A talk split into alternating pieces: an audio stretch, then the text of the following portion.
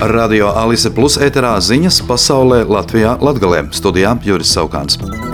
Šodien Lielbritānijā pusmiljons strādājošo piedalās streikā, un tā ir pēdējos 12 gados lielākā protesta akcija, cenšoties panākt algu paaugstināšanu.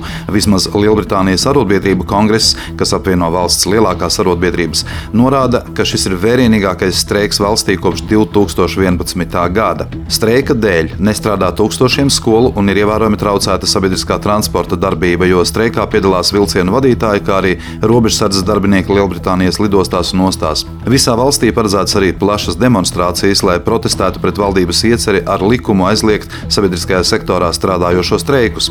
Lielbritānijā aizvien plašumā vēršas dažādu nozaru darbinieku streiki, jo inflācijas straujais pieaugums samazina iedzīvotāju nopelnītās naudas vērtību. Turcija neatbalstīs Zviedrijas uzņemšanu NATO, kamēr tā pieļauj protestus ar islāma svēto rakstu dedzināšanu. Tā šodien paziņoja Turcijas prezidents Reģeps Tajips Erdogans. Zviedrijas valdības amatpersonas ir norobežojušās no protesta akcijas, ko janvārī pie Turcijas vēstniecības Stokholmā sarīkoja labējie ekstrēmisti un kuras laikā tika sadedzināts Korāna eksemplārs. Tomēr norādījušas, ka šādu akciju rīkošanu aizsargā vārda brīvība. Saimas Sociālo un darba lietu komisija ir skeptiska par sabiedrības iniciatīvu, kas rosina grozīt darba likuma 131. pantu un paredzēt 4 dienu, jeb 32 stundu darba nedēļu. Bet šī komisija aicina vērtēt elastīgu darba laiku. Tā vismaz izriet no šīs dienas komisijas sēdē paustā. Komisija nodeva iniciatīvu izskatīšanai trīspusējās sadarbības padomē, lai turpinātu vērtēt elastīgu darba laiku. Iniciatīvas autora Denisa Meļahova ieskatā palielinot brīvo laiku laiku darbinieku apmierinātības un radošuma līmenis pieaugšot, nesamazinot darba efektivitāti. Viņa prāt, būšot vairāk brīvā laika arī mācībām un personīgajai pilnveidei, kam arī būs pozitīvs ekonomiskais efekts. Līdzīga iniciatīva jau 2020. gadā tika iesniegta saimā, bet tad to noraidīja. Šoreiz parlaments šo iniciatīvu ir nodevis vērtēšanai komisijās. Plūdos cietušie Jākapils novada iedzīvotāji, kuru pamata dzīves vieta deklarēta novadā, var vērsties sociālajā dienestā ar iesniegumu pēc pabalsta krīzes situācijā. Jākapils novada domas saistošie noteikumi paredz iesniegumu iesniegt triju mēnešu laikā no krīzes situācijas rašanās dienas. Pabalstu katastrofu gadījumos piešķir līdz divu valstī noteikto minimālo mēneša darba algu apmēram, ņemot vērā radītos zaudējumus.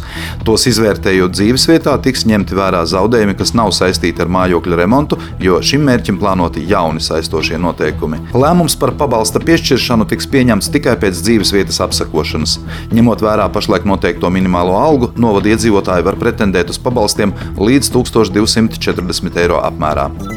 Pilsonības un migrācijas lietu pārvalde informē, ka sodīs tikai tās personas, kurām nebūs neviena persona apliecinoša dokumenta, ne pases, ne EID kartes.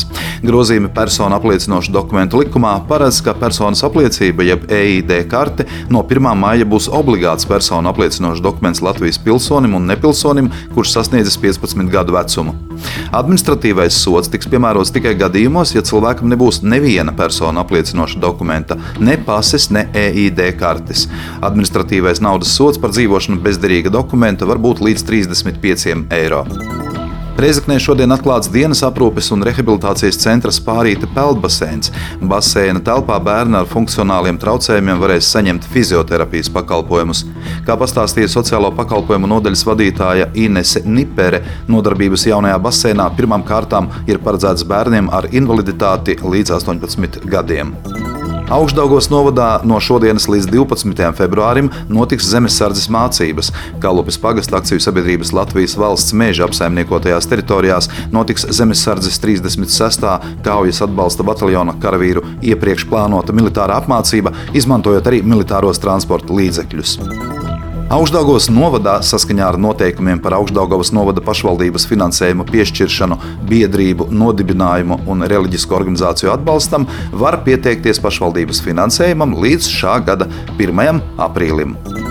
Tas bija ziņu apskats pasaulē Latvijā Latgalēm. Pēc publikāciju materiāliem to sagatavoja Radio Alise Plus informācijas un ziņu dienests ar Sabiedrības integrācijas fonda atbalstu. Studijā bija Juris Saugāns.